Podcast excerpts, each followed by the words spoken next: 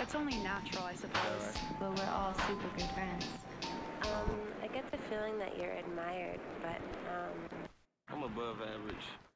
I got so much beef, I could barely sleep. Paranoia got me losing on my Z's all day. Good Lord, mama praying on the knees all day. If you still frontin' when I up it, I'ma squeeze. Bad companies, bad for your company. Bad companies, bad for your company. Witajcie w krótkiej sztuce. Zabrakło nas trochę przy Lebronie, ale to przez to, że Karol pojechał oglądać zawodnika, który będzie przyszłością pewnej pięknej drużyny. Już jest. Y, Już jest, ale będzie, będzie przyszłością pięknej drużyny. Y, Dlatego to robimy później. Mało tego, też trafiliśmy w taki moment, że w nocy się coś stało. E, Dużo się o tym mówiło. Jakiś czas temu internet odwiedziła przerwa na żądanie, także tam część rzeczy też z Maćkiem i z Bartkiem poruszam. Ale tutaj myślę, że jeszcze coś wypracujemy nowego.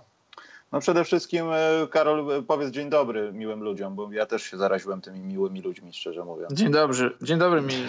Dzień dobry, mili ludzie. Ale to jest na Eee. pożegnanie, na, na, na powitanie jeszcze nie mam, nie wymyśliłem. Nie masz jeszcze? E, Dobrze, Karol. No, e, chyba wszystko zostało powiedziane w temacie LeBrona Jamesa w Los Angeles Lakers. Nie wiem, w jaki sposób możemy to ocenić.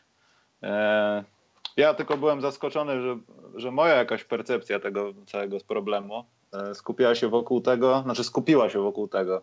Mam taką obserwację, że jakoś tak nie podnieciłem tym, wiedząc o tym, że e, LeBron potrzebuje jeszcze kogoś teraz, żebyśmy teraz rozmawiali o tym, czy dadzą łupnia Golden State Warriors. I to zajęło raptem dwie doby. I gdyby najpierw był DeMarcus, a potem LeBron, to nikt by tak naprawdę. Znaczy, wiadomo, kibice Lakers i tak dalej, ale taka społeczność, obiektywny duch koszykówki NBA by na to nie zwrócił uwagi kompletnie. Może by zwrócił, ale to nie byłby taki szoker. I dla mnie to nie był aż taki szoker. Fajnie, że LeBron jest wreszcie w drużynie, która jest y, organizacją, której sam nie będzie miał na plecach, tylko ktoś się będzie zajmował tymi wszystkimi rzeczami, za które on mógł odpowiadać w Cleveland. Nie mówię tu o koszykówce. E, No ale mimo wszystko sam jestem pod wrażeniem, albo jestem aż tak zobojętniony tym, że, że po prostu no, jakoś tak, nie wiem, nie podnieciłem się tym. E, nie podnieciłeś ja też się nie podnieciłem, bo raczej zdawało się, że jego wybór zawęzi do, tych- do tych dwóch drużyn, Lakers albo Cleveland. Mówiliśmy dlaczego, że na koniec dnia zadecydują względy takie, że LeBron wybierze miejsce, w którym czuje się komfortowo. To są dwa miejsca na ten moment, Los Angeles i Cleveland. Cleveland opuścił, idzie po nowe wyzwania, idzie do nowej organizacji, która jest legendarna, tego nikomu nie muszę mówić. I, i wiesz, mówiliśmy to wiele razy, zadawaliśmy to retoryczne pytanie, o co, o co gra LeBron i co chce zrobić, no bo chyba zgodzimy się wspólnie, że LeBron już nic nie musi i na ten moment już jest, już tak mi się wydaje, ale chyba ludzie się ze mną zgodzą, że już jest drugim najlepszym koszykarzem w historii. Pierwszego Michaela Jordana ja uważam, że nie dogoni, ale ma szansę ugruntować swoją drugą pozycję, a kto wie, wiesz, amerykańscy dziennikarze piszą różne narracje i może w końcu, może w końcu kiedyś y, ludzie, dla których i LeBron, i, i Jordan będą historią, ludzie, którzy nie widzieli ich grających na żywo, tak jak my widzieliśmy, jesteśmy z tego pokolenia, którzy widzieli jednego i drugiego.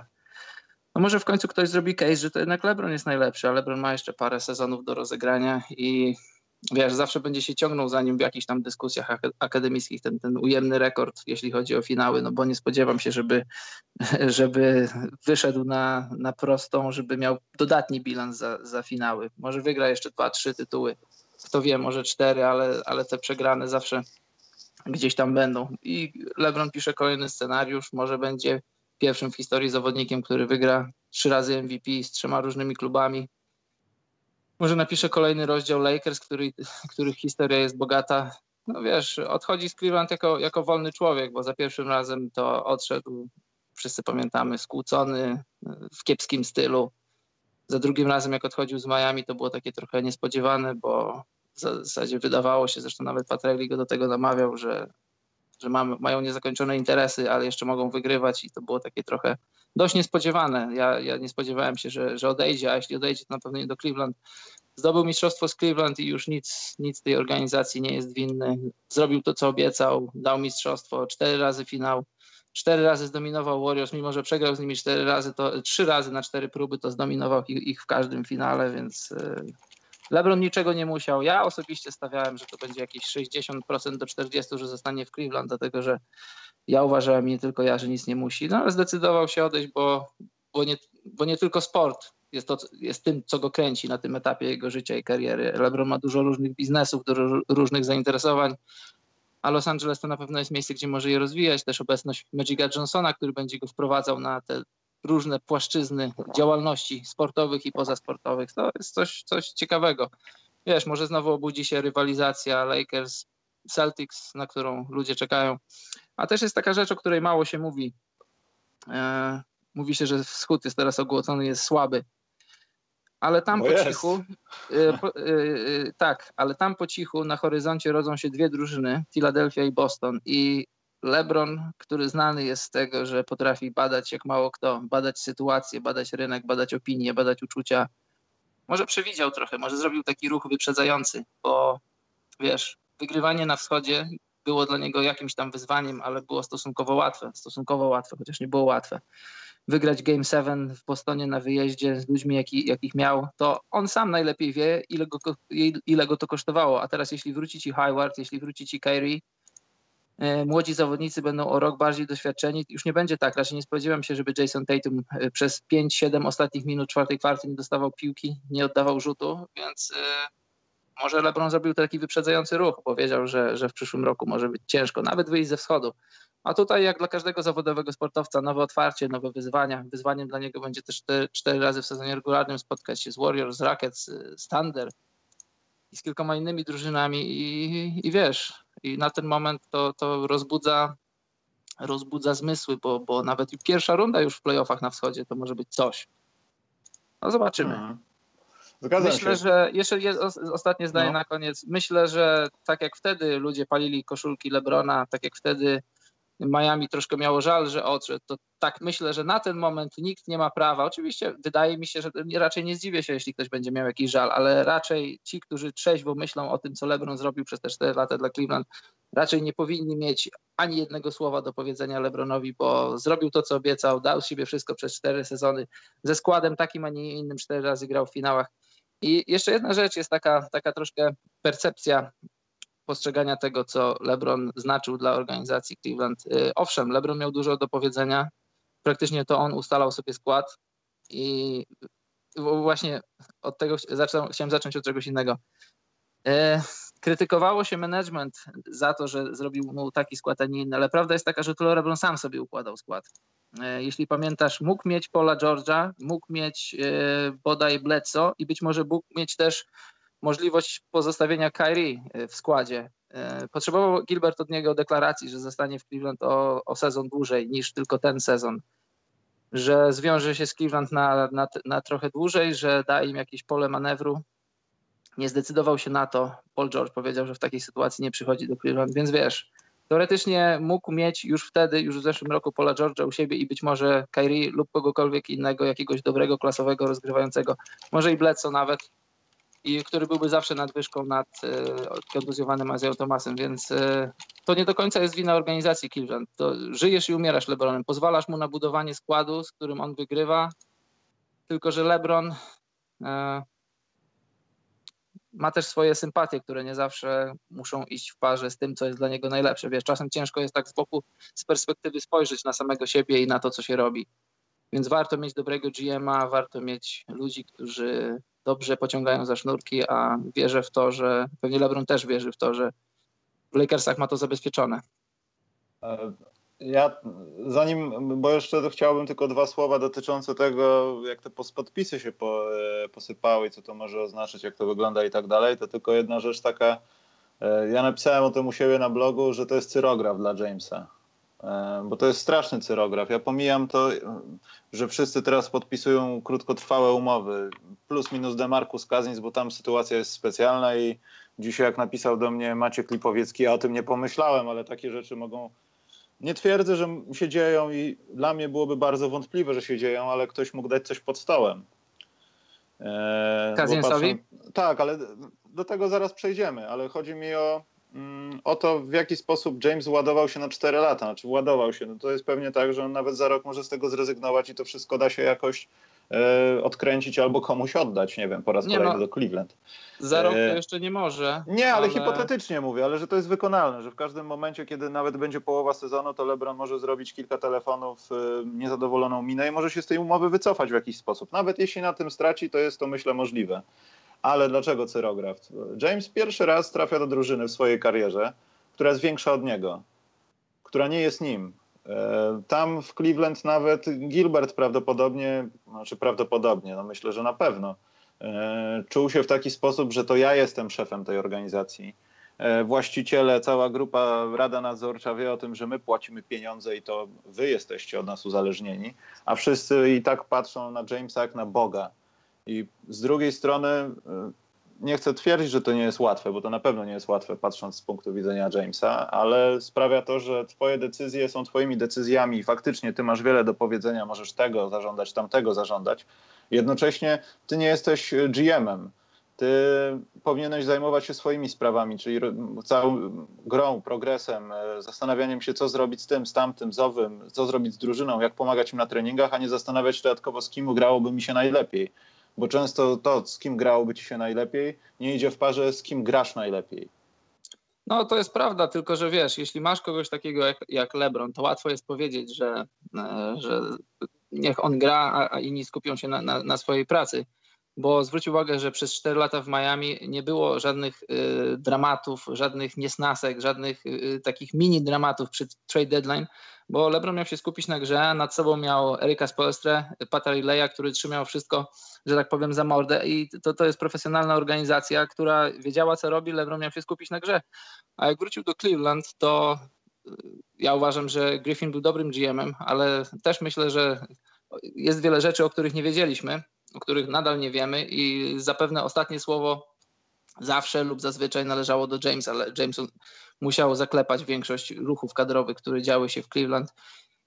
No i wiesz, tak jak powiedziałem, yy, gdyby ktoś ci powiedział w 2014, że Cleveland przez 4, 4 lata będzie wchodzić do finałów i jeden z tych finałów wy, wygra, to myślę, że Cavs wzięliby to w ciemno, bo jest tyle drużyn. Zobacz, zaczynamy sezon i jest powiedzmy 5, 7, 8 drużyn, które realnie, w miarę realnie myślą i aspirują do tego, żeby wygrać mistrzostwo. Na koniec wygrywa tylko jedna drużyna. Są drużyny, które przez lata próbują i nie wygrywają, więc jeżeli dajesz sobie szansę, mając Lebrona na, na wejście do finałów cztery razy i wygranie tylko raz, to jest tylko raz, ale to jest mistrzostwo, które zostanie już zapamiętane na, na lata, to, no to chcąc, nie chcąc decydujesz się na to. Mówisz, ok, dajesz świadomie lub nieświadomie, dajesz Lebronowi, ste, wiesz, przekazujesz stery. No i tak to wygląda, ale to jest taka trochę e, polityka spalonej ziemi, bo teraz nie wiadomo, co będzie w Cleveland. To nie będzie takie łagodne przejście, bo LeBron nie zostawił nic po sobie. To znaczy bardzo mało zostawił po sobie i jestem bardzo ciekawy, jak to będzie teraz wyglądało w Ohio. Czy pójdą w pełną przebudowę, czy będą próbowali o cokolwiek grać.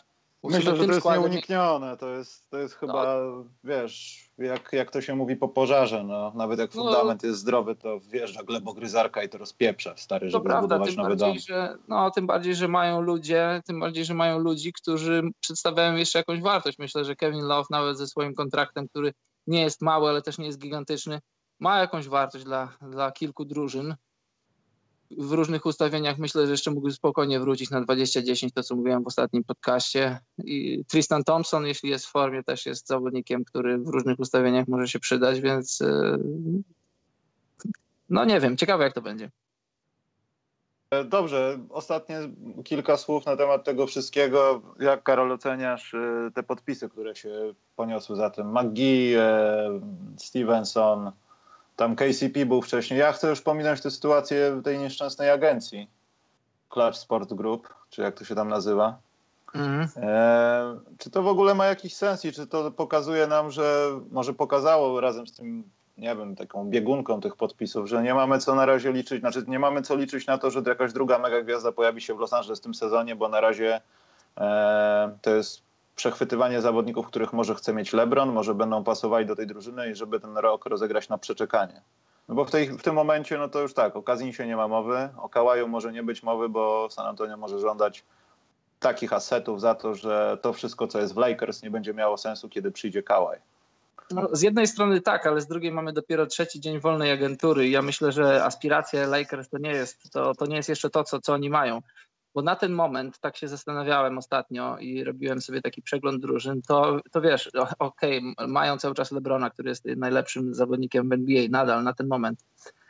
Ale patrząc tak e, obiektywnie na składy NBA, to, to jest drużyna, która będzie walczyć o playoffy. To nie jest drużyna, która będzie walczyć o przewagę własnego parkietu i na pewno na 100%, na milion procent ten skład ty, na ten moment nie walczy o mistrzostwo więc wiesz, przychodzi LeBron i może dojść do sytuacji, w której e, Lakersi nie wchodzą do playoffów w jego pierwszym sezonie e, w Los Angeles. Więc myślę, że Magic Johnson jeszcze nie skończył dealować i będzie starał się, nie wiem czy za wszelką cenę, ale za dużą cenę wyciągnąć Kawaja lub e, no nie wiem kto tam jeszcze jest na horyzoncie. Tylko też, wiesz, to może pójść w dwie strony. To może pójść tak jak z Melo, który usilnie chciał wyjść z Denver i przyjść do Nowego Jorku i, i to też o tym mówiliśmy ostatnio i ostatecznie to Nowy Jork trochę za dużo kosztowało, za dużo oddali za Melo, który i tak kilka miesięcy później był, był już w Nowym Jorku. E, z Kałajem może być podobnie, bo za rok jest wolnym agentem, może przyjść do Los Angeles jako wolny człowiek, ale w ciągu roku może wiele się zmienić. Może pójść e, do Filadelfii, w Filadelfii może mu się spodobać, może pójść do Bostonu i w Bostonie może mu się spodobać. I wtedy to już jest inna rzeczywistość za rok. I wstępnie, no nie byłeś umówiony, ale miałeś jakąś tam wizję gry w Los Angeles i to wszystko wyglądało fajnie, ale od dziś, za rok, to, to, to rzeczywistość może być zupełnie inna i świadomość taka, jaką ma dzisiaj Kawhi, a jaką będzie miał za rok, to mogą być dwie różne świadomości i, i z różnych przyczyn może już mu się nie opłacać, może mu się nie chcieć grać w Los Angeles, więc y, gdybym był Magiciem, starałbym się za może nie za wszelką cenę, ale za bardzo dużą cenę starać się ściągnąć go jednak już w tym momencie, już w tym roku, żeby go sobie zaklepać, mhm. bo nigdy nie wiadomo, co przyniesie przyszłość. E, tak, się, tak się trochę zastanawiam, bo powiedziałem cyrograf. E, po pierwsze, no, oczekiwania będą sięgały sufitu i nawet w tym sezonie, wiedząc o tym, że to się tak zakończy, jak jest teraz, pomijając to, że coś może jeszcze się stać, no to Lakers na pewno będą niebo lepszą drużyną i będą w końcu w playoffach, tak mi się wydaje, no, że można to w ciemno teraz typować. I będą walczyć o coś, a nie tylko zbierać szanse na przyszłe lata. Natomiast zastanawiam się, w jaki sposób to wszystko, wiesz, wpłynie na Jamesa, bo to jest wóz albo przewóz. No. Ty tam zostajesz przez ileś lat i teoretycznie i ty musisz e, no, coś dać tej drużynie. A patrząc na to, że dołączył do ciebie JaVale, Lance, Rondo, to wszystko ładnie wygląda na papierze, ale może się skończyć takim samym hukiem, jak było w Ohio. I ja wtedy też. pojawią się pytania, wiesz, co stary zrobiłeś? Ściągnąłeś sobie tak naprawdę trochę innych, lepszych, może gorszych w niektórych aspektach yy, Cleveland 2-0, bo też to jest takie stworzenie tej grupy może nieco przypadkowe, chociaż mniej, bo mamy lato jest większy, większy wybór z tego szwedzkiego stołu wolnych agentów, ale mimo wszystko no to, to są zawodnicy, których nie wiem, czy James jego pierwszym punktem po pojawieniu się w nowym klubie jest słuchaj, ja muszę mieć Javela, bo w pick and rollu będziemy grali świetnie. Słuszna uwaga, powiedziałeś cyrograf i to tak trochę, trochę dziwnie wyglądało, że już z miejsca na dzień dobry podpisał czteroletnią umowę, czego nie robił od y, właśnie czterech ostatnich lat. Wydawało mi się, że jeśli przejdzie do Lakersów, to na mocy umowy maksymalnie 1 plus 1 lub nawet 1 gołe 1, a tu jest 4, 4-letni kontrakt y, w strukturze 3 plus 1. Więc teoretycznie LeBron wiąże się z Lakersami na dobre i na złe na 3 lata. Wiesz, ja nie wiem, y, nie wiem, czy ci ludzie, którzy pojawili się razem z nim w Los Angeles, to są ludzie z jego namaszczenia, czy to po prostu rynek podyktował, czy gdzieś tam zanadrzył Magic y, z nimi rozmawiał i może nie w pierwszej, ale w drugiej kolejności ich chciał. Wiesz, nigdy nie wiadomo, to, co się dzieje, to co, to, co wiemy, to, co ostatecznie zostaje podpisane, to, to może była czyjaś opcja B, może C, bo nie przypuszczam, żeby JaVale McGee był, był pierwszą opcją Lakersów do pozyskania go latem, więc y, no nie wiem, ciężko powiedzieć. Też, też nie wiem, czy to, to był wybór LeBrona, że przyszedł i powiedział sprowadźcie mi JaVale'a, bo no nie wiem, nie spodziewam się. Nie wiem, naprawdę. Patrzę na czacie, Elmo Song dobrze napisał, James nie musi, nic, nie, nie musi nic udowadniać nikomu. Owszem, ale wiesz jak jest w Los Angeles. To jest kolejne wielkie nazwisko, które będzie tak jak figurki stawiane na tych pieprzonych obrazkach, nasze największe gwiazdy i spuścizny naszych czasów. Magic Johnson, Shaquille O'Neal, Kobe, wiesz. To mimo wszystko, yy, nawet wiedząc o tym, kim jest James i na jakim jest etapie kariery, sprawia, że automatycznie po drugiej stronie równania pojawia się, jeśli te, czegoś nie zrobisz w naszej drużynie, no to znaczy, że to się znowu nie udało jak, jak z innymi gwiazdami, które do nas przyszły w swoich karierach w pewnych etapach. No to, to, wiesz, ja to to, jest samo... odpowiedzialność straszna. To Bo prawda, kibice ja- pewnie nie będą tacy jak w Nowym Jorku, że będą go buczeć i obrażać i w ogóle wszystko robić, ale to jest taki, tak, taki podskórny obowiązek, no patriotyzm taki, wiesz. LA w No. końcu ma gości i musi coś zrobić. No tak, ja to, ja to też, ja to samo mówiłem wiele razy, y, że, że LeBron już naprawdę nic nie musi. On już, y, no powiedziałem na samym początku tego podcastu, on jest już drugim najlepszym koszykarzem w historii koszykówki. Czy to się komuś podoba, czy nie. Dla niektórych ma szansę prześcignąć Jordana. Ja uważam, że nie ma z różnych przyczyn. Może ugruntować swoją drugą pozycję, może w, najlepszym, ale w takim najbardziej, najśmielszym, najbardziej pozytywnym scenariuszu, przy którym musiałoby się wiele różnych pozytywnych czynników złożyć, może napisać taką narrację, że, że ludzie będą mieli go powiedzmy gdzieś tam na równi z Jordanem, że Jordan będzie tym najlepszym, a, a LeBron będzie tym najlepszym z gwiazdką, ale ja, ja tak nie uważam, nie dla mnie.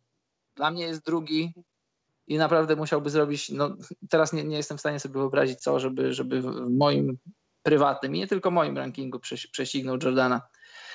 Przyszedł do Lakersów i wiadomo, poprzeczka jest wysoko zawieszona, bo to jest klub legendarny, klub z tradycją i na pewno LeBron jako, jako ambitny sportowiec też wyznacza sobie cele jakieś, tak, żeby, wiesz, zdobyć mistrzostwo z Lakersami, przynieść mistrzostwo pierwszy raz po, po 2009 roku, kiedy zrobił Kobe, być pierwszym zawodnikiem, który jest trzykrotnym MVP z trzema różnymi zespołami. Jest jeszcze parę wyzwań, które, które LeBron może zrobić, zrealizować, rzeczy, których na przykład Jordan nie zrobił, co wcale nie będzie znaczyło, że będzie lepszy od Jordana, ale to, to będzie znaczyło, że będzie miał jakiś tam swój głos w dyskusji. Będzie to głos może nie jakiś tam super ważny, ale dla takich, wiesz, koszykarskich nerdów może, może coś tam znaczyć.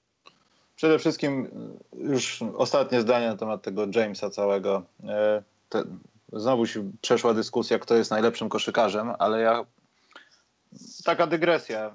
Jeździłem do mojej babci, koło mojej babci był taki duży wiadukt, torowisko i taka wielka wieża ciśnień, która jak miałem 10 albo nawet 15 lat była gigantycznie duża. Teraz jak na to patrzę, to jest jakiś śmieszny, wysoki co prawda budynek, budowla, ale nie mam z tym w związku z tym żadnych wrażeń, jakie to jest wielkie. I tak samo mogło być w latach 90. z Billem Russellem wśród kibiców y, tamtej daty, powiedzmy. Wildem Chamberlainem, Ka- Kamilem, Karimem Abdul-Jabbarem, Kamil Abdul-Jabbar. Kamil. Abdul-Jabbar. E, czy nie, wiem o tym, że tamtych kolesi nie mogliśmy tak śledzić i tak się podniecać z różnych przyczyn. Mówię tu o, przy, o cywilizacji nawet, no, internet i tak dalej.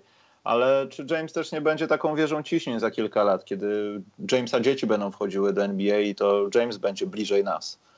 Ja, wiesz, Jordan dalej jest wykuty w moim sercu dłutem, natomiast no nie wiem, czy to nie jest właśnie taka wieża ciśnień. To, co wszystko oglądałeś, było takie wielkie, nagle pojawił się ktoś, kto jest porównywalnego innego, ale mimo wszystko porównywalnego skillsetu i tak dalej z całą historią i ta wieża ciśnień robi ci się mniejsza z tego powodu. No właśnie to jest to, co też powiedziałem. To jest, bo, bo dla nas, ludzi pokolenia, którzy widzieli i Jordana, i Lebrona, to raczej dla większości ludzi Jordan. I, i wiesz, to nie jest sentyment naszego dzieciństwa, bo, bo Jordan, mało ludzi, nie wiem czy mało, ale mało się o tym mówi, to na pewno, za mało się o tym mówi. Jordan po prostu grał pięknie, Jordan grał elegancko. Jeżeli coś, jeżeli uważasz, że coś jest w świecie, w życiu pięknego, to, to granie w koszykówkę Michaela Jordana to było piękne. Tak jak zamarzająca woda tworzy, tworzy piękne struktury, tak Michael Jordan grał pięknie w koszykówkę. Jordan nie miał słabości. Żaden z ruchów, żaden, żadno z zagrań Jordana, to co robił na parkiecie, to nie było jakieś koślawe, to nie było brzydkie, to było piękne, to było eleganckie. Zobacz, nie wiem, Paul Pierce w całej swojej w całej swojej, wiesz, koszykówce na poziomie. Hall of Fame, w całej swojej okazałości. Miał takie różne swoje śmieszne ruchy, takie trochę, takie wiesz, trochę powolne, takie trochę anemiczne. Byli różni zawodnicy na przestrzeni lat, na przestrzeni historii, którzy byli świetni, którzy byli Hall of Famerami, Hall of Famerami ale gdzieś tam ich e, mowa ciała, ich wygląd przy kozłowaniu, przy rzucaniu było śmieszne. Daleko nie trzeba szukać. Larry Bird, legenda koszykówki, jego rzut wyglądał śmiesznie. A jeżeli patrzysz na Jordana, jest, jest, jest, jest takie piękno, taka elegancja w jego, w jego grze. I, I my to pamiętamy, ale dla pokolenia, dla którego, nawet nie tego, które pamięta Lebrona, tylko dla pokolenia, dla którego i Jordan, i Lebron będą tylko gwiazdami YouTube'a, tylko gwiazdami z historii, które będą pamiętać, Oni mogą mieć case dla LeBrona i to bardzo duży, bo patrzą na, na koniec dnia, jak LeBron skończy karierę. Zdobyte punkty, zbiórki, asysty, przechwyty, lata w lidze, rozegrane minuty, awansy do finałów yy, i przy okazji mecze, nie wiem, z triple-double, mecze z 35-5, 20-10-7 i tak dalej. To będzie wszystko przemawiać za LeBronem i ostatecznie na koniec dnia suche liczby, plus wiesz, nie tylko suche liczby, bo też y, trzeba oddać LeBronowi, że jego gra jest też, też porywająca i też na swój sposób piękna. To może tak być ostatecznie, że, że w świadomości wielu ludzi już tego kolejnego pokolenia to, to Jordan będzie historią już taką trochę bardziej zakurzoną. Teraz wiem, jak czują się młodzi ludzie, kiedy przyjdą do przychodni i siedzą dwie babcie koło nich, bo trochę pojechaliśmy za daleko, Karol, z tym Jordanem. Więc... Nie, ale, wiesz, ale dlaczego pojechaliśmy za daleko? Wiesz, yy, chodzi mi o to, że, że dla nas, my pamiętamy Jordana, dla niektórych to jest sentyment, ale dla niektórych to, jest, to są suche fakty. Dla mnie Jordan to jest sentyment, ale też są suche fakty, bo, bo odpalasz highlighty Jordana i one się bronią. One się dzisiaj bronią, w dzisiejszej atletycznej koszykówce się bronią. Odpalisz highlighty nie wiem, Juliusa Irvinga czy kogokolwiek, to one się nie do końca bronią. One się bronią dla tych, którzy tych ludzi widzieli na żywo, ale tam ta koszykówka była taka trochę jeszcze, jeszcze taka trochę skostniała, taka trochę mało atletyczna. Jordan, Jordan się broni w tym wszystkim. Wpiszcie sobie ludzie, mili ludzie, jeśli nie widzieliście Jordana, odpalcie sobie jego highlighty i porównajcie je sobie z, z, z highlightami dzisiejszych zawodników. One się bronią, one się na, na, na wszystkie strony bronią. Owszem, ale to też wiesz, wymaga tego, żeby zobaczyć drugą stronę. Czy tam ta druga strona faktycznie była taka do dupy, czy Jordan to, co zrobił na Magicu, wiesz, now you see me, now you don't i mogłeś dać z góry, yy, to nie był, to był efekt dobrej obrony po prostu, a nie jakiejś nonszalancji. Ale słowo nonszalancja pojawi się jeszcze w tym podcaście, bo wiadomości z pewnego klubu na zachodzie są nieuniknie no, bardzo smutne i pewien łysy facet, który przyszedł tam z Chicago będzie bardzo smutny za rok może. Ale pozostajemy przy... Chyba, że chcesz coś jeszcze o Jordanie, Karol. Ja o Jordanie nie. O Jordanie moglibyśmy zrobić oddzielny podcast i, i, i tyle. No nie, na ten moment nie. Ale to nie jest głupi pomysł, żebyśmy robili odcinki na temat legendarnych graczy. Właśnie wpadłem na taki pomysł. Hmm, bardzo sprytne to jest. E, oczy, oczywiście o Wojciechu Króliku pierwszy odcinek byłby. Dobrze, e, przesuwam naszą przepiękną grafikę tematyczną. Będziemy mówić teraz o wysokim facecie, który oszukał swój klub, z którym mógł osiągnąć tak dużo w przyszłym sezonie i poszedł, poszedł do Golden State Warriors. Karol, jak w skali od 1 do 10 wyglądała twoja psychika po przeczytaniu tego Nie osadzić w nocy? E, ja o tym pisałem, możesz tutaj na czacie wrzucić słuchaczom, kto nie widział, może, może zerknąć a kto widział, ten wie. Y, y, ja nie jestem zszokowany tym ruchem i pisałem o tym. To nie jest dla mnie tak, że, że musimy bić na alarm, że Adam Silver musi interweniować. Gdyby to był zeszłoroczny DeMarcus Cousins, no to tak, no to, to moglibyśmy powiedzieć, że, że balans w lidze został zachwiany. Tylko, że on został zachwiany w 2016 roku, jak KD przeszedł do tej drużyny. Ale to jest taka dygresja. Teraz nie jest, nie jest zachwiany, bo Kazins nie jest zdrowy i nie będzie zdrowy. Musimy to powiedzieć. To możemy powiedzieć z, z całą pewnością, że Demarcus Kazins nie będzie zdrowy w tym sezonie. Przechodzi teraz rehabilitację po zerwanym ścięgnie Achillesa. Kto trochę wie na ten temat, ten wie, że to jest ciężka, być może najcięższa kontuzja, kontuzja dla zawodowych sportowców i na 100% DeMarcus Cousins nie będzie sobą. A to, że w ogóle dołączył do Warriors, to okoliczności tego dołączania to, to, nie, to nie były takie, że tam był jakiś, wiesz, jakiś misterny plan, żeby go ściągnąć. To po prostu złożyło się wiele okoliczności na to. E, trochę DeMarcus i jego agent przewartościowali jego, jego cenę na rynku. Cena, rynek trochę, trochę podyktował jego wartość. Drużyny raz, że nie miały wiele drużyn nie miało pieniędzy, nie miało pieniędzy do wydania. Druga sprawa, że ogólnie drużyny bały się pozyskiwać Kazinsa ze względu na chemię w szatni. A dodając wszystko do tego kontuzję, po której rzadko kto wraca do, do 100% formy, to masz obrazek człowieka, nad którym jest duży znak zapytania.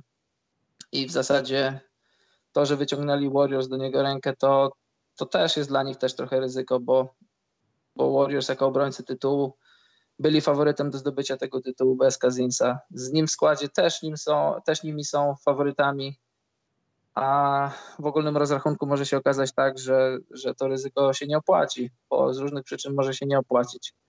Bo zdrowy DeMarcus Cousins z tym, co przynosi, ze swoim całym skillsetem i podejściem do gry w różnych ustawieniach mógł się sprawdzić, ale też mógł się nie sprawdzić przede wszystkim w obronie. DeMarcus nie, nie zawsze lubi bronić, nie zawsze jest zmotywowany do tego, żeby bronić.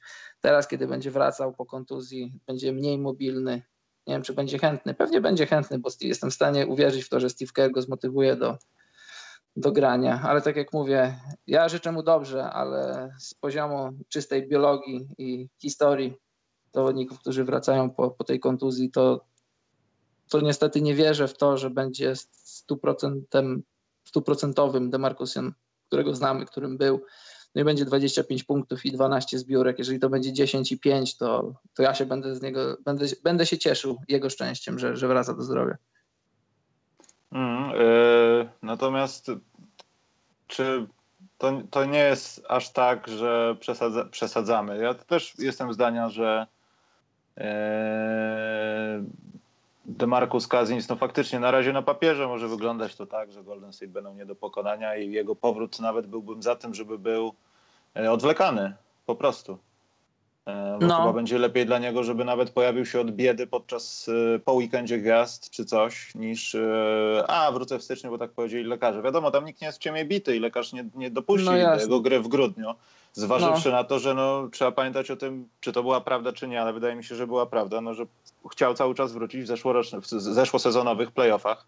W Nie, to sezonie. było, nie to, było, to było niemożliwe. To było niemożliwe. On Nie sam, było jak możliwe, mówi, ale wiesz, woził rehabilitanta, to też pokazywało taki, nie wiem, dysonans trochę, trochę, że tam wiesz, wszystko chce zrobić dla drużyny, bo dobrze idzie i chyba dobrze czuje się z tymi gośćmi. Nowy Orlean, pasuje mi to chyba miejsce, bo jestem taki idealnie pasujący do tego klimatu tam tak naprawdę. Trochę się pobawić, trochę zjeść, trochę pograć w kosza. Eee, mogę dostać dużo więcej pieniędzy, jeśli po prostu uczciwie powiem, słuchajcie, robię skok na kasę i podoba mi się Phoenix, a podpisujesz praktycznie za mid-level w drużynie, która no, ma mistrzostwo. No, trochę tak, ale Demarcus z tego, co mówi, on celuje w, w training camp, ale ja w to nie wierzę. Realnie patrząc na to, bo ta kontuzja miała miejsce pod koniec stycznia, ostatniego dnia stycznia była operacja, to jest 7, 8, 9 miesięcy, żeby, żeby dostać zielone światło na, na trening z pełnym obciążeniem. Do tego wiesz, dochodzą tak zwane zardzewiałe nogi. Musisz odbyć trochę tych sesji treningowych, żeby dostać tego wiatru w nogi, żeby, żeby móc wystąpić w meczu koszykówki NBA. Więc ja nie wierzę, nie wierzę w ten training camp jako datę powrotu. Nie wierzę też w początek sezonu. To może być grudzień, a może nawet to być po nowym roku. Oczywiście Warriors nic nie muszą, bo są obrońcami tytułu i są faworytem do jego wygrania. Stracili Javela, nie wiem kogo tam będą mieli teraz na środku. Może Zaza będzie musiał grać duże minuty może kto inny, bo takich, takich ludzi kończących przy obręczy, broniących i blokujących, to, to w dzisiejszej koszykówce można za stosunkowo niskie pieniądze. Może Jordan Bell wyjdzie, wejdzie na ten kolejny poziom.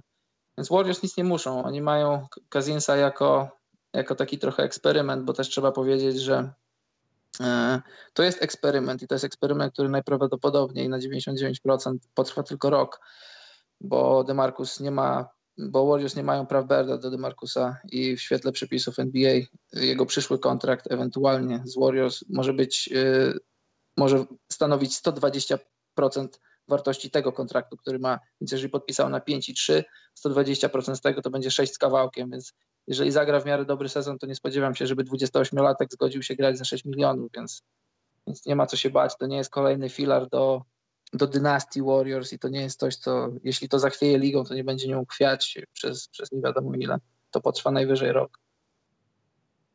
Jasne, ale mimo wszystko Warriors mogą być no, naszpikowani tym wszystkim. Jeśli on wróci zdrowy i tak dalej, tylko obawiam się, co będzie się działo na ławce, ale free agency jeszcze się nie skończyło, także na pewno coś tam wykombinują, bo ja aż nie wierzę, żeby Demarcus miał w jakiś sposób spowodować, że już nie potrzebujemy nikogo na ławce na centrze, bo nie ma Javela. Nie wierzę w to, dlatego musi przynajmniej coś takiego się stać. No. Nie, Warriors na pewno wykonają jeszcze ruchy, tym bardziej, że, że to jest drużyna mistrzowska i to jest, to jest atrakcyjna destynacja dla takich zawodników po 30, którzy w lidze już dużo widzieli, dużo zrobili, jak chcą na koniec kariery zdobyć mistrzostwo, jak na przykład David West, jak, jak zawodnicy w jego typie. Takich zawodników jest wielu w NBA, to są zawodnicy, którzy mogą się przydać Warriors za stosunkowo niskie pieniądze. Odszedł JaVale, ale to, to, to, nie jest, to nie jest jakaś strata, której, której nie da się załatać. To nie w tej organizacji. E, Dobrze, tutaj też widziałem to. W międzyczasie Michael Carter Williams znalazł się w nowej drużynie. Nie będę, przysiągłem sobie nie komentować nic o tym zawodniku po tym, jak się pojawił w, w Chicago, ale tak, z Rockets, zapomniałem dodać. Eee, tyle, że zamiast y, teraz myślę, nie, nie, bo tam kilku zawodników, Karol, no powiemy o jakichś tam, nie wiem, podpisach później. Natomiast ostatnio wyniknęła, to jest ostatnio, nie tak dawno w zasadzie, chyba w ciągu tej doby jakoś nabrzmiała bardziej, sytuacja w Minnesocie, o której mówiłem wcześniej. Jimmy Butler podobno ma dosyć nonszalanckiego stylu bycia i podejścia do życia, gry czy cokolwiek e, Karla Antonego Townsa. Pojawiła się już jakaś plotka, że z Irvingiem chcieliby zagrać w jednej drużynie i prawdopodobnie będą czynione ku temu podchody. Pewnie skończy się na tym, żeby Butler przyszedł do, do Chicago, do Bostonu e, w przyszłym roku, więc to też może być ciekawe. E, chyba wszyscy się spodziewali, Karol, że ten projekt Minnesoty, Chicago Soty e, się nie uda, bo chyba się powoli nie udaje i chyba się Shisoty, naszych... shisoty, żeby- nie powiedzieć shitsoty. Tak, to brzmi jak Shemail, ale to tak trochę jest. To jest taki E, Shemail trochę w tej drużynie. powiem ci, że byłem w szatni Minnesoty w tym sezonie i moje spostrzeżenie było właśnie takie, że wiesz, ciężko ocenić człowieka po, po, po tym, jak się go widziało raz czy dwa razy, ale moje odczucie właśnie co do Tansa było takie, że taki wiesz, nie wiem, no nie mogę, tak jak powiedziałem, nie mogę oceniać człowieka po tym, jak widziałem go raz czy dwa razy, ale tak trochę lekko podchodził w ogóle do meczu, do, do, do w ogóle całej swojej obecności, całej swojego bycia po, po przegranym meczu, bo to był mecz z Toronto w Toronto i oni przegrali ten mecz. A po przeciwnej stronie szatni siedział Jimmy Butler, wkurzony jak yy, nie wiem kto i naprawdę taki nabuzowany. Szybko się przebierał, smarował balsamem i chciał się zmyć najszybciej jak tylko się da z szatni, a Towns w zasadzie dokładnie odwrotnej, wiesz, atmosferze, nastroju zupełnie innym. I też zdziwiło mnie, bo jak zobaczyłem Jimmy'ego Butlera, co zresztą to mnie nie zszokowało bez koszulki, że jest naprawdę wyżyłowany, jest naprawdę dobrze zbudowany i można by się uczyć anatomii na jego mięśniach. A z kolei Towns, y, to mnie zszokowało, znaczy może nie zszokowało, ale trochę zdziwiło, że, że takim trochę baby, baby fatem jest, jest obrośnięty i, i na brzuchu i, i nie tylko. Pamiętam ten moment, kiedy Mateusz Ponitka tam niby trenował z Hardenem, czy Harden zjawiał się na tych treningach w USA, to chyba było przy tej okazji Ligi Letniej bodajże, albo może rok wcześniej, już nie pamiętam dokładnie.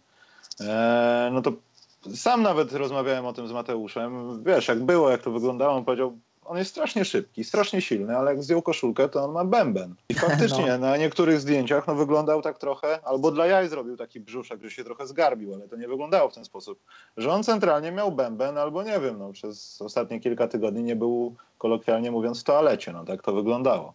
A mimo wszystko, no wtedy dalej był y, Hardenem, tak? I mimo wszystko teraz widać po tym, że zmienił swoje ciało znacznie w porównaniu z tamtym okresem w jego karierze i, i gra świetnie. Gra lepiej niż wtedy.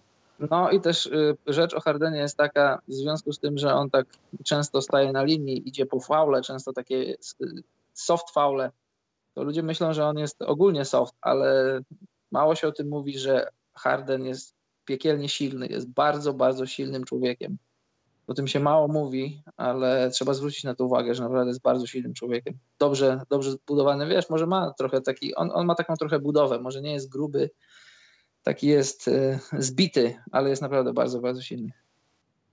No dobrze, y, co? Czyli podsumowując, Minnesota się rozpada po przyszłym sezonie. Może nawet w połowie tego będziemy widzieli jakieś różne rzeczy, bo chyba nie widzę po, spo, sposobu, żeby ten zespół się uratował. Mało tego, nie chciałbym doczekać chwili, żeby Anthony Towns przypominał w jakiś sposób, o ile Butler ma rację, mentalnie Dwighta Howarda. Już rozmawialiśmy o tym jego podejściu do gry i tak No. dalej. Jeśli No. to jest ta nonszalanckość, no to to jest kolejny zmarnowany talent i z Larrym Sandersem mogą sobie śmiało pójść na joint albo na piwo i pomalować obrazy zamiast po prostu denerwować ludzi.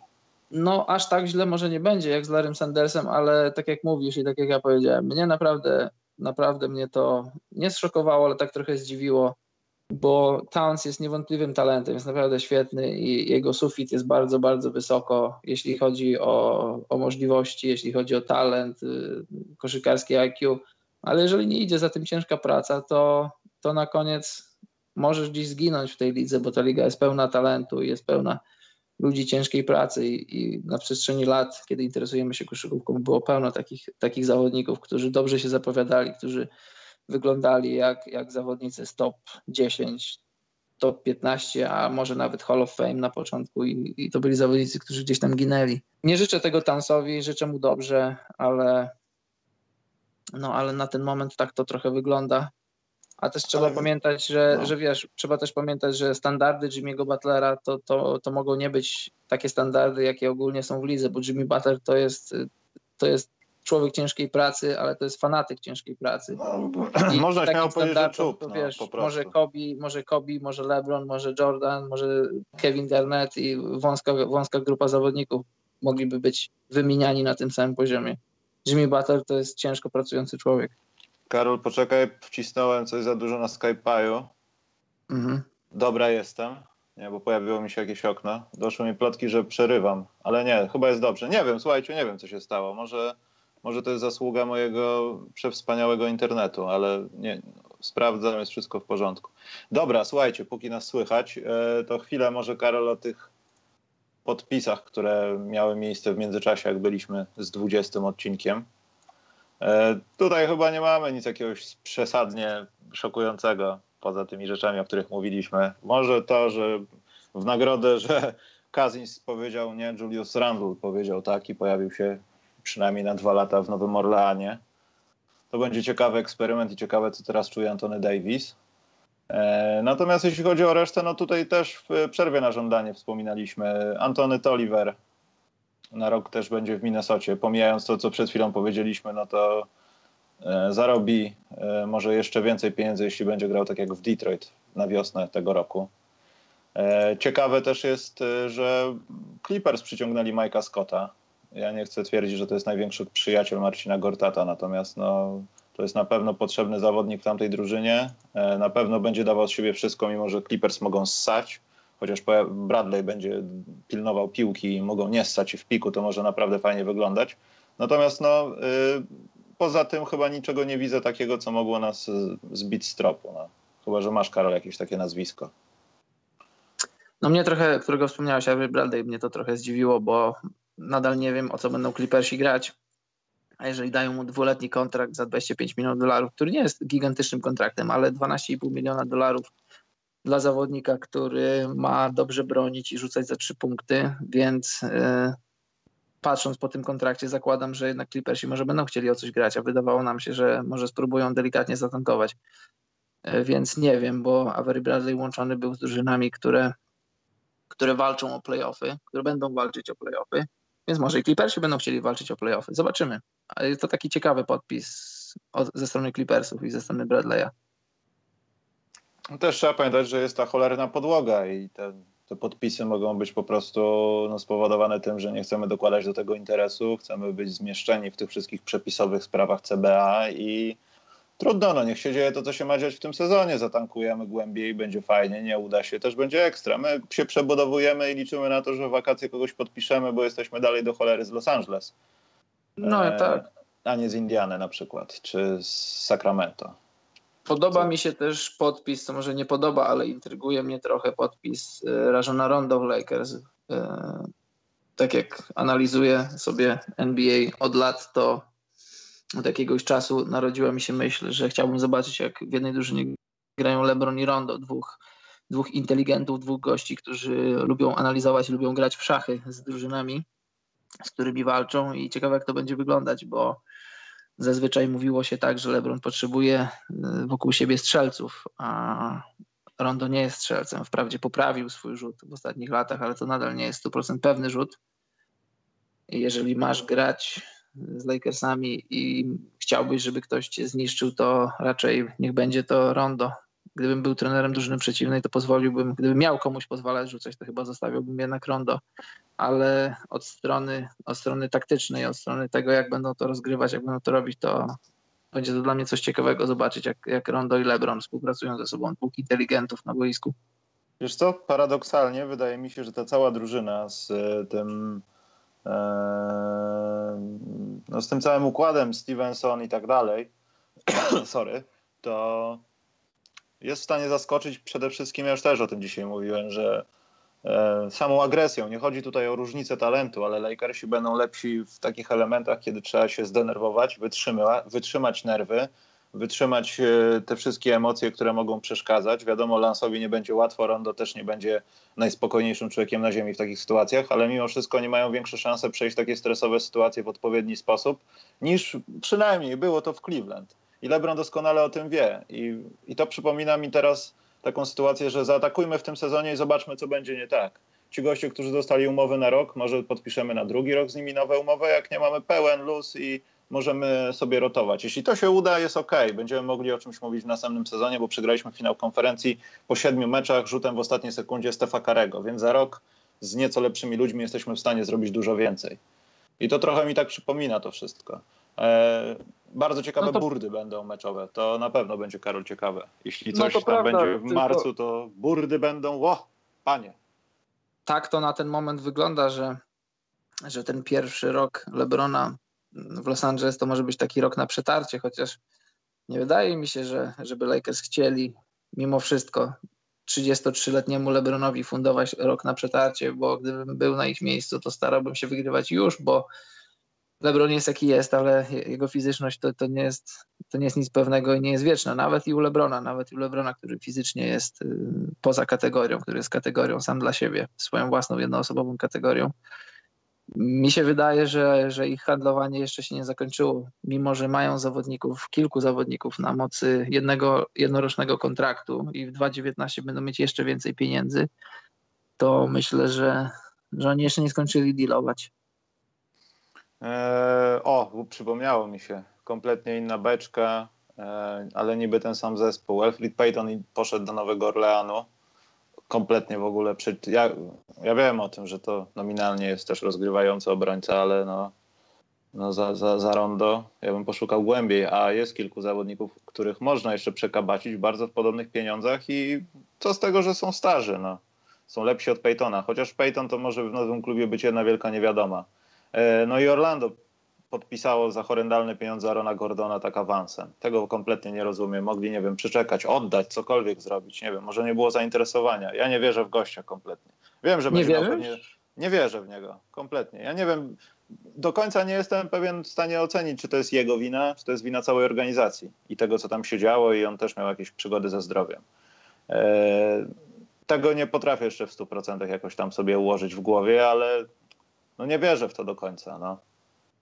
Nie wierzę w Arona Gordona. Myślę, że on popadnie w, tak, w taką niszę, niszę, e, w takie miejsce gdzieś tam wśród tych wszystkich zawodników w NBA, e, że będzie Blake'iem Griffinem, trochę może gorszym, trochę z większą ilością dunków. Ale słuchaj, on miał pierwsze dwa lata w NBA y, pod znakiem kontuzji. Później otrząsnął się z tych kontuzji. Ma dopiero 22 lata, y, we wrześniu 23. Ten ostatni jego sezon to było 17 punktów, prawie 8 zbiórek, dwie asysty. To, to ja uważam, że jego sufit jest wysoko i może się jeszcze rozwijać i pamiętaj, że to, był, to, jest, to jest kontrakt e, czteroletni za 84 miliony dolarów, a on był zastrzeżonym wolnym agentem i jego max to było 114 milionów, więc to nie jest, to, to nie jest max i nawet nie jest blisko maxa, to są takie pieniądze, które, które nawet gdyby coś tam się nie udało, to, to nie są aż takie pieniądze, z którymi nie możesz żyć. I, i myślę, że, że, on jeszcze, że on jeszcze się może dużo roz- rozwinąć w lidze. Znaczy wiesz, no ten st- stat, że tam 120 czy 115 trójek e, w poprzednim sezonie i pierwszy raz przekroczył 30% skuteczności. To No, wszystko jest widoczne na papierze, ale mimo wszystko myślę, że nie tak to powinno wyglądać. To powinno być tak ordynarnie chamsko, jak rąbiesz drewno, a nie strugasz fujarę z gałęzi jakiejś. Wiesz, Blake No wiesz, Griffin też... też- jakoś tak z buta nie wszedł do ligi, ale mimo wszystko miał większy taki, wiesz, no tak jak bomba na tą falę uderzeniową, a może przez Orlando, ale Eric Gordon e, poza fenomenalnym konkursem sadów jakoś specjalnie nie zabłysnął w oczach kibiców, że wygrywał mecze buzzer beaterami 6 dni pod rząd.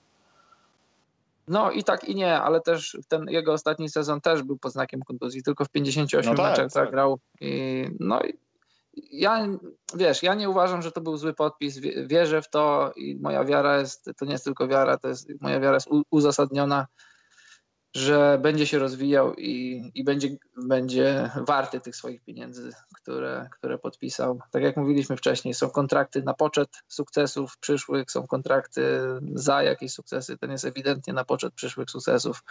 Ma 22 lata, niecałe 23, wszystko jeszcze przed nim jest naprawdę fizycznym wybrykiem natury, więc jeżeli dołoży ciężką pracę, a, a są sygnały, widać to, tak jak sam powiedziałeś, że dołożył trójkę, po tych wakacjach może dołoży, zapewne zakładam, że dołoży coś nowego i może to będzie dobrze wyglądać razem z Mubambą. Znaczy, no właśnie, jeszcze e, Wajzaka też no. I put some trust, bo poza tym jest w moim teamie fantasy, ale lubię takich gości, to chyba, nie wiem, to już jest znak czasów, że to dłudzy goście są często nieświetnie. O, zaraz pogadamy o jednym długim gościu na koniec. Od razu wam mówię, że tak, przejdę do tych pytań, które były wcześniej. Jak macie jakieś pytania, to czas, żebyście wyklarowali je w głowie i napisali w odpowiednim momencie, bo teraz będzie krótko, szybko i na temat. Bo już ile, Karol, mamy nagrania? No, Nie mamy wiem, 51 minut, także myślę, że z 10-15 minut jeszcze będziemy. Eee, podpis ostatni to jest oczywiście Nowy Jork. W Nowym Jorku będzie grał Mario Hezonie. Tutaj minuta ciszy powinna być właśnie, Karol, bardzo dobrze. No, minuta ciszy, ale też, e, też miał on przebłyski talentu, który niewątpliwie miał, jak przychodził do ligi. W tym sezonie miał takie przebłyski, miał, miał taki miesiąc, nie pamiętam, kilka, kilka tygodni, nie pamiętam, czy to był luty, czy marzec, gdzie dobrze grał, znaczy dobrze, no przyzwoicie grał i i też, może wiesz, może ja mam za dużo wiary w zawodników, zbyt pozytywnie o nich myślę, ale też wydaje mi się, że jeszcze mogą być z niego ludzie, że to on jeszcze nie jest na wylocie z NBA. I wiesz, takie 6 milionów na, na jednorocznym kontrakcie to, to nie jest jakaś, jakaś super inwestycja. To może się nie udać. Jak się nie uda, to nie ma najmniejszego problemu. A może się udać, bo on ma, on ma dopiero 23 lata, jest młodym zawodnikiem. Dobrze. Karol, zanim oddam Ci mikrofon na temat tematu, który wczoraj e, był jak gdyby. Chociaż nie, dobrze, tak, zróbmy najpierw to, co ja mówię, e, a potem opowiesz o tym, jak świetnie wygląda pewien zawodnik Chicago no, Bulls. A tylko jedną rzecz do Marii no. powiem, bo no. ja miałem okazję go widzieć na żywo, e, jak już był wybrany w drafcie, ale jeszcze przed swoim pierwszym sezonem NBA to był Eurobasket 2.15 we Francji. Od niego biła taka nonszalancja, która już wtedy bardzo mi się nie podobała i też mi się wydaje, że w tym pierwszym roku, może też drugim, to, to go trochę zgubiło w NBA, bo może, jak myślę, że jemu się może wydawało, że samym swoim talentem on zwojuje NBA, bo naprawdę aż, aż żal było patrzeć, z jaką nonszalancją przychodzi do meczu. I to był mecz, to już był, nie pamiętam z kim oni grali, ale oni strasznie przegrali. Chorwacja bardzo przegrała ten mecz. I, i w ogóle mowa jego ciała była, była wręcz irytująca. Nie wiem, czy pamiętasz, y, było coś takiego, że on miał możliwość spotkać się z Messim, czy w ogóle doszło do tego spotkania i tam się go pytali, czy, czy wziął autograf od Messiego. Powiedział coś takiego, że on może Messiemu dać swój autograf. On miał trochę, no. wiesz, on miał trochę pomieszane w głowie, ale trzy lata w NBA chyba mu pokazały, że, że nie tędy droga. I szczególnie ten ostatni sezon, kiedy zaczął już mieć dobre mecze, może trochę zrobił rachunek sumienia i zobaczył, że to jednak NBA to jest trochę inna bajka i trochę inaczej się do tego podchodzi. A przynajmniej powinno się inaczej podchodzić. A przynajmniej powinno. E, krótko tylko na temat Ligi Letniej, która jeszcze na mnie opadł kurz z pierdzielu, jaki dostał LeBron James w finałach, a już chłopaki grają. E, Dwie rzeczy. Nie chcę znowu odpalać wideo, bo to będzie chodzenie po krawędzi, czy znowu ktoś zablokuje zaraz transmisję. Nie, nie odpala, nic nie odpala. Ale chciałbym, żebyście zwrócili uwagę. Znaczy ja zwróciłem uwagę straszną. Mnie to trochę zszokowało i zacząłem się zastanawiać, co będzie z innymi kolesiami. I wiem, że Liga Letnia nic nie oznacza. Ale zobaczcie sobie, są highlighty w internecie e, Jarena, Jareta Jacksona, e, e, który zdobył chyba 26 punktów. Gros tego to były truje Zobaczcie, jak wyglądają te trójki. Jeśli ten gość będzie normalnie kryty w NBA, ja na sorze go widzę pierwszej nocy, jeśli ktoś w niego wjedzie w obronie. To jest strasznie dziwne. A druga rzecz, zszokowany jestem Trejangiem, o czym już płakałem w przerwie na żądanie, ale jeszcze bardziej to pogłębiam. Ja wiem, że ten pierwszy mecz nic nie znaczy, ale warto oglądać w lidze letniej, bo też będzie można ocenić, czy to po prostu była zmyła, czy tak po prostu jest z tymi kolesiami. Trejang chyba czy... jest niegotowy a... do gry w koszykówkę w NBA, moim zdaniem. A powiedz fizycznie. mi, powiedz mi, czym jesteś szokowany, bo ja nie oglądałem i nie oglądam Ligi Letniej i nie będę oglądał. Szok, znaczy ja też nie będę, znaczy nie oglądam. Myślę, że w Las Vegas y, ten, to będę jakoś baczniej na to patrzył, patrzył, bo tam te kluby bardziej się przygotują. To będzie jakaś taka większa feta, poza tym NBA o to zadba, żeby znowu było takie mini NBA. E, natomiast to w Sacramento powiem ci, że tak, zszokowany jestem dlaczego? Trejangiem. Bo to jest taki gość, który przypomina trochę Alena Iversona. Jest taki, wiesz, leciutki, nieumięśniony, bardzo szybki, e, ale jednocześnie wchodzący na kontakt. E, w tym meczu przyceglił 1 na 11 za 3 punkty. Rzut ma może jako taki przypominający rzut Stefa Karego, który, wiesz, no to nie jest Ray Allen, Mhm. Rama i tak dalej, ale to są cegły. Ja wiem, że to jest e, liga letnia, nie wpadło ci sześć pierwszych trójek i jesteś firing at will u, tlen, u trenera i po prostu walisz. I on walił tam dziewiąty metr bez krycia, tam pierwsza sekunda akcji, bach. E, ale patrząc na to, jak on, nie pamiętam kto go krył, Boże, e, ale widać było, że to był też guard, ale cięższy, no znacznie od niego, może nie dwukrotnie, ale 20 kilo spokojnie. On nie potrafił mimo szybkości dryblingu zmieniać tak bardzo swojej pozycji, żeby ułatwić sobie sytuację do rzutu. Przynajmniej tak to wyglądało w tym meczu, bo ten mecz obejrzałem akurat cały. No, ale wiesz, też po jednym spotkaniu nie można wyciągać wniosku. Może się odbuduje Oczywiście, ja wiem o tym, ale to wszystko jednak wygląda, że wiesz, będzie większy competition, będą większe nerwy, będzie więcej gry ciałem. Wiadomo, nowe przepisy będą pomagały w tym, żeby on nie czuł się jak pobite dziecko e, przez kolegów w szatni, workami po głowie, ale no tak dziwnie to wygląda. Chciałem zobaczyć w drugim meczu odmianę. To, tak, to samo było z Lonzo Bolem też w, ligach let, w lidze letniej w zeszłym roku, także bez sensu to oceniać. Natomiast Jared Jackson, ta jego trójka, Karol, to też zwróć uwagę. Gość nie ma kompletnie dipu. Jak dostaje piłkę, to praktycznie się nie zgina, po czym bierze rękę i jakby pchał kulę stary tak, nie wiem, od łokcia do nadgarstka po prostu wypychał piłkę, nadgarstek jest sztywny i on tak jeszcze się wyciąga, że obrońca za każdym razem wpada w niego. I to jest bardzo Hmm. groźne, myślę, pod względem kontuzji, bo faul faulem, no to nawet wyciągnięte nogi pewnie będą mu gwizdać, ale to wygląda strasznie. No, rzucił, nie pamiętam skuteczności, no ale 26 punktów i to takie rzuciki były takie, wiesz, e, do jakiego zawodnika to porównać? Taki Harrison, Harrison Barnes trochę, tylko taka Aha, no to będę musiał to zobaczyć, bo nie mogę sobie w stanie wyobrazić. Ton na Maker, bardzo tego, dobrze. mówisz. Maker zgina kolana, on nie zgina kompletnie kolan. Nie ma dipu przy rzucie, to jest w ogóle jakaś masakra, Okej. ale wpada, ale wpada. No, czyli, ma, czyli ma silną ramę, obręcz barkową ma silną Tak. zapewne. E, To jest tyle, jeśli chodzi o lidze, lid, ligę letnią. To się rozwija cały czas, także też śledźcie, bo tym się nie należy sugerować, ale przynajmniej można pooglądać tych gości i nawet mieć satysfakcję z tego, oho, widziałem Trajanga 600 razy i w końcu gra normalnie w kosze. E, Bo wcale ich nie skreślam, tylko mówię to, co widzę. E, Karol, widziałeś e, Laurysia E, tak, ostatnio. I co u Laurysia jest? Wygląda już jak nakoksowany świniak, który grał kilka lat w NBA, czy jeszcze nie jest aż tak źle?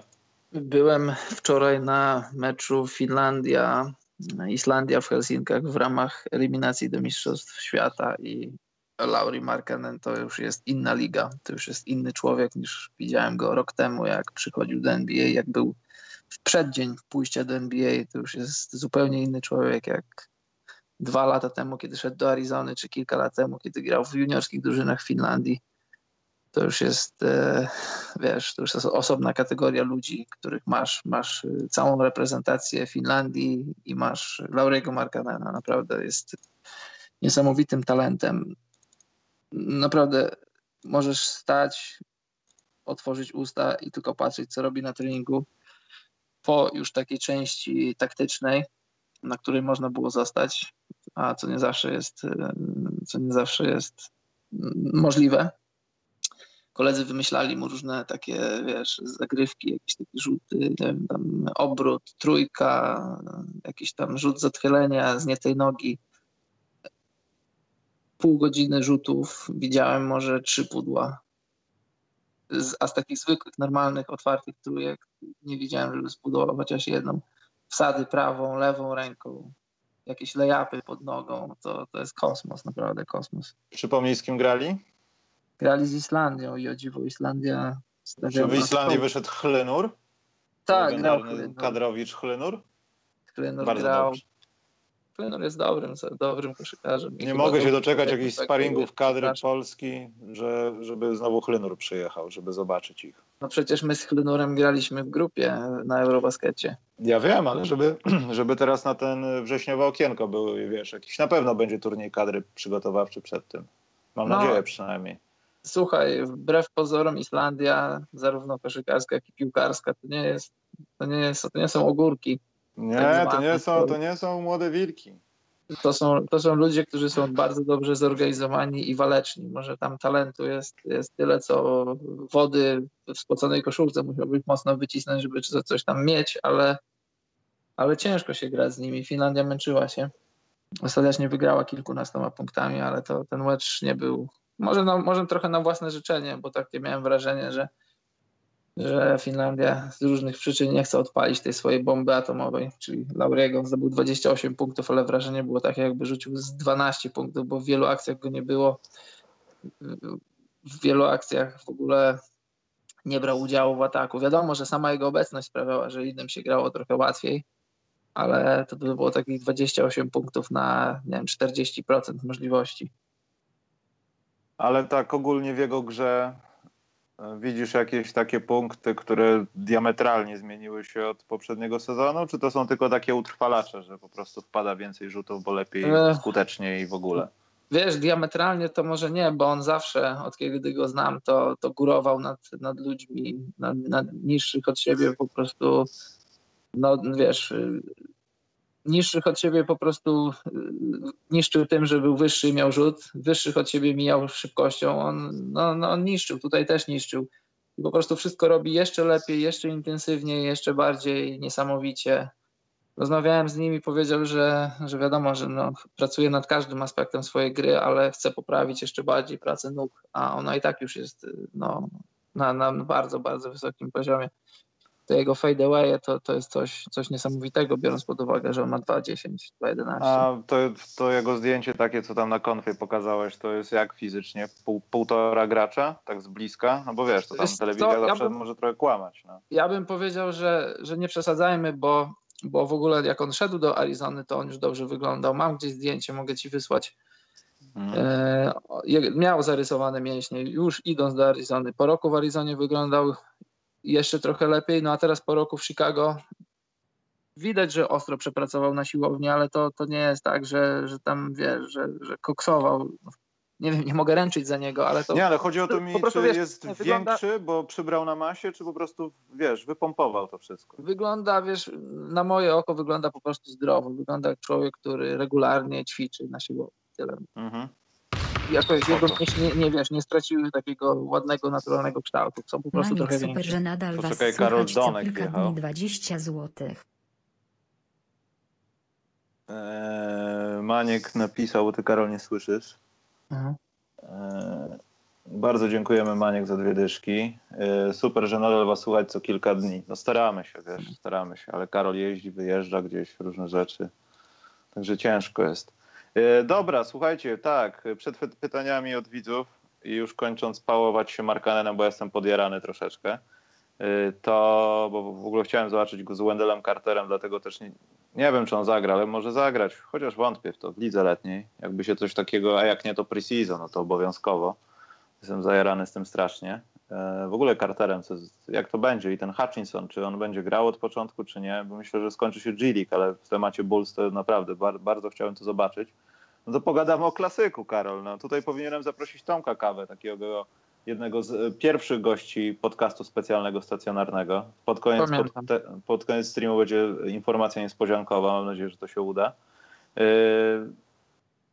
Co ja chciałem powiedzieć? No, Filipińczycy nie są do końca normalni, ale to, co się działo na Filipinach, e, pokazuje, że w Polsce powinniśmy się cieszyć, że i tak jest dobrze, że nasi sędziowie coś ogarniają. Mówię tu nawet o zadymach e, Almeida. Zapomniałem z tym drugim nazwiska.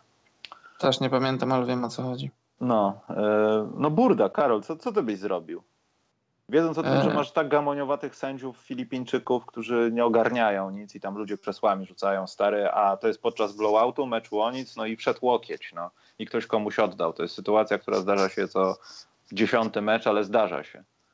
Niestety jako sędzia nie miałem okazji sędziować takiego meczu. Mówię niestety, bo naprawdę chciałbym, znaczy nie chciałbym, nie chciałbym mieć, wiesz, nie, nie chciałbym mieć jakichś wielkich kłopotów, ale fajnie jest, gdy coś się dzieje i musisz, musisz rozwiązać jakiś, jakiś problem.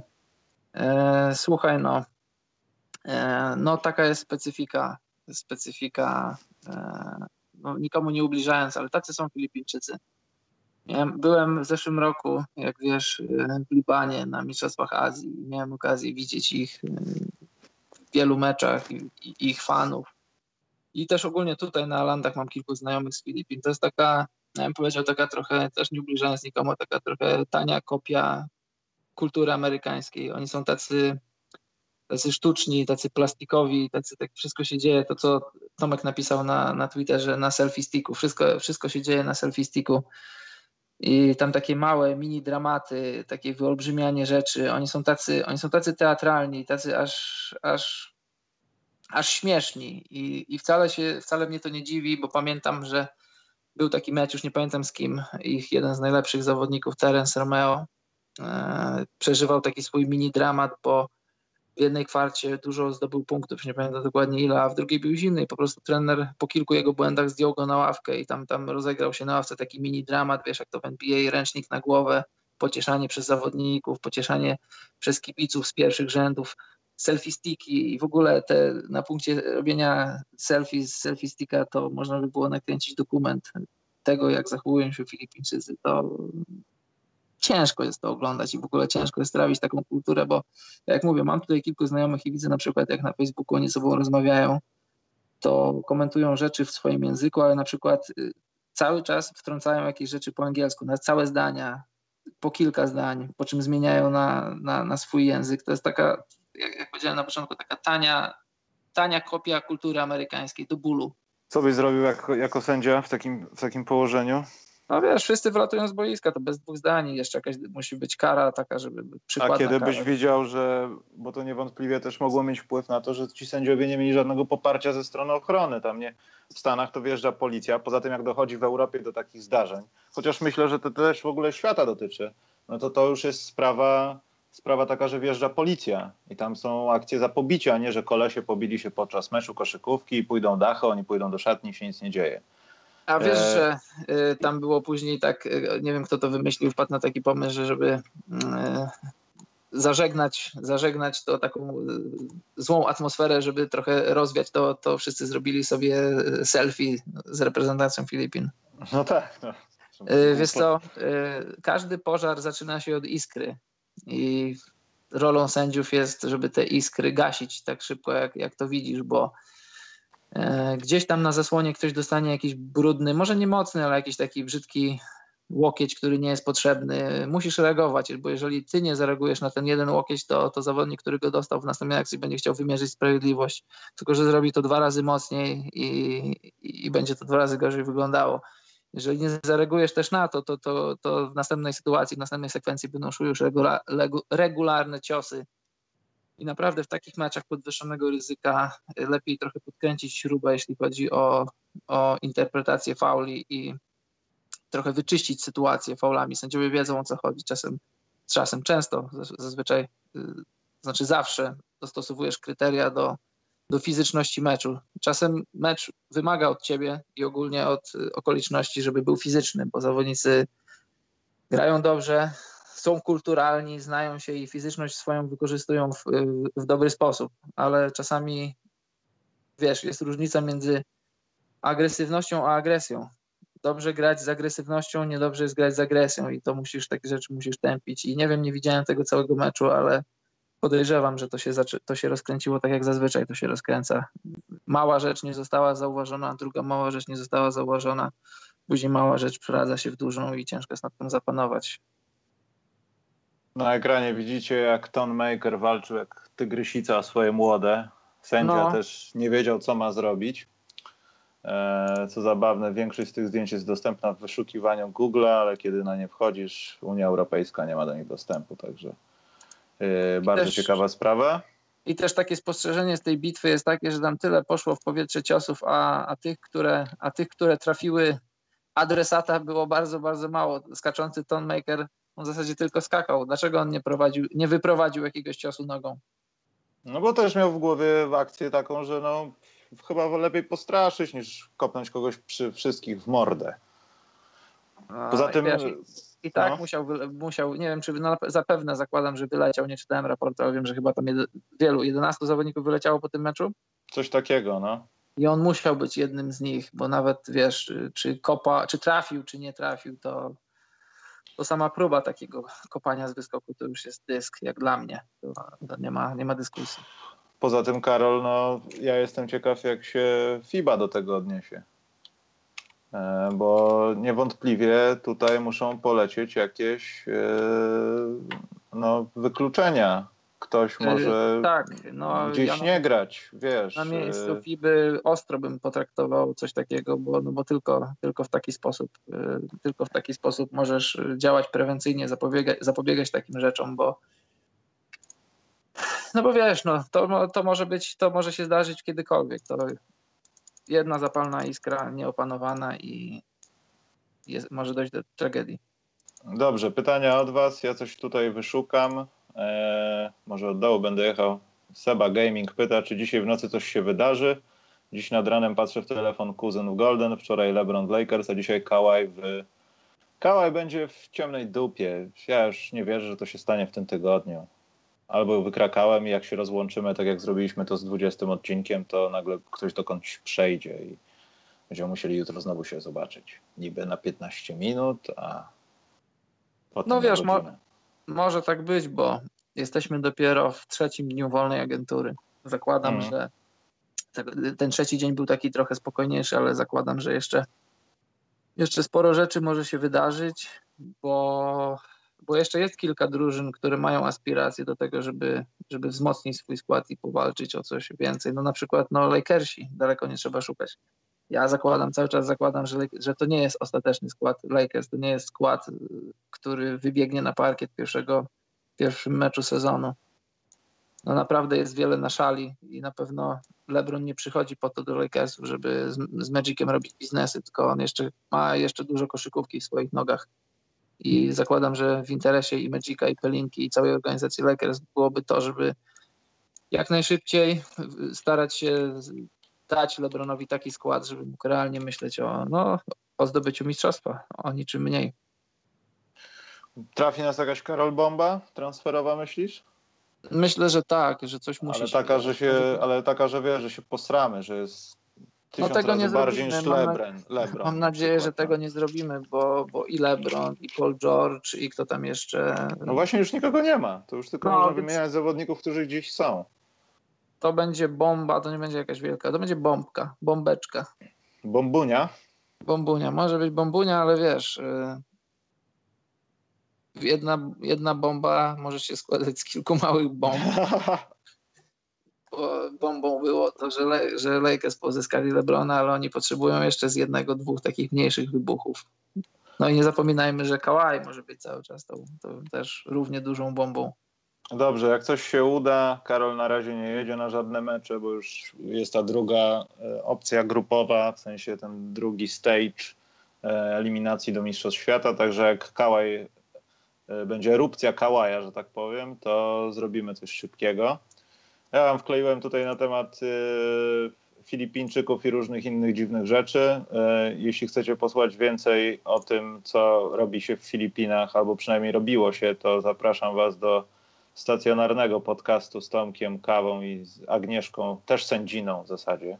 Tak, Chociaż nie, nie Kawą, bo nie przejęła nazwiska, ale też możecie posłuchać w ogóle jak tam się żyje. Nawet tam wyszła taka sytuacja, że nagraliśmy ten podcast jak oni tam byli, bo to była sprawa taka, że Agnieszka chyba miała tam pracę i przez pół roku musiała tam być. No i oni się przenieśli i nawet prowadzili bloga na temat tego, jak tam jest. Jakieś takie prozaiczne rzeczy, jaką taksówką jeździć, albo kiedy coś robić, albo nie robić, wiesz, takie turystyczne rzeczy. I się okazało, że ktoś to odsłuchał w momencie, kiedy zastanawiał się, e, co robić właśnie na Filipinach, bo tam wyjeżdża. Ja Agnieszkę poznałem, ale nie jestem pewny, czy ona pamięta. Poznaliśmy się na jakimś turnieju koszykówki. To w Szwecji było właśnie. I Tak, warto wspomnieć, że Agnieszka w ogóle jak tam wylądowała, to przez przypadek znalazła się jako chyba pierwszy Europejczyk, chociaż nie wiem, ale kobieta na pewno, która sędziowała spotkanie chyba finału Ligi Uniwersyteckiej ichniej czegoś na wzór NCAA, coś takiego i w ogóle był jakiś materiał w telewizji, a tam e, raczej mężczyźni zachwyceni są Europejkami, niezależnie od tego, jak wygląda kobieta. Ważne, żeby była inna niż nasza, niezależnie Biała. od koloru włosów i tak dalej. Także to też jest ciekawe. No wiesz, Yy. inność zawsze przyciąga. No, nie wchodźmy za głęboko, Karol, w tą wodę. Mam pytanie z Facebooka. Rafał Połulkowski zapytał, gdzie chcielibyście zobaczyć Vince'a Cartera na koniec kariery? W Toronto. E, Na moim boisku. W Toronto mówisz? No, No, właśnie nie no. zawsze się zgadzam z tym, żebyś wracał tam, tam, tam właśnie skąd, skąd się wybiłeś.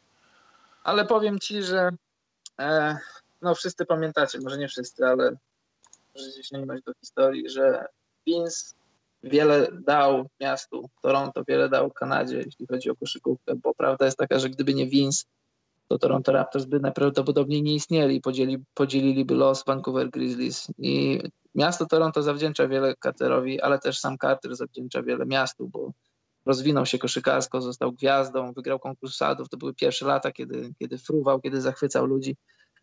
Ale rozstał się z Toronto trochę brzydko, trochę y, wypiął się na nich, zrezygnował z nich i e, trochę, trochę doszło do takiego mini buntu. Grał słabe mecze wymusił, wymusił transfer. Ale teraz po latach strony sobie wybaczyły, bo wszyscy wiedzą, że y, co, ile, dla kogo jedna strona znaczyła dla drugiej. I też miałem okazję widzieć Vince'a w Toronto na parę godzin przed meczem i naprawdę Vince, wszyscy już wybaczyli mu, wszyscy go lubią i witał się z ludźmi, tak jakby przychodził do, do, do rodziny, której nie widział dawno, nawet z ochroniarzami, nawet z ludźmi z jakichś tam małych sklepików.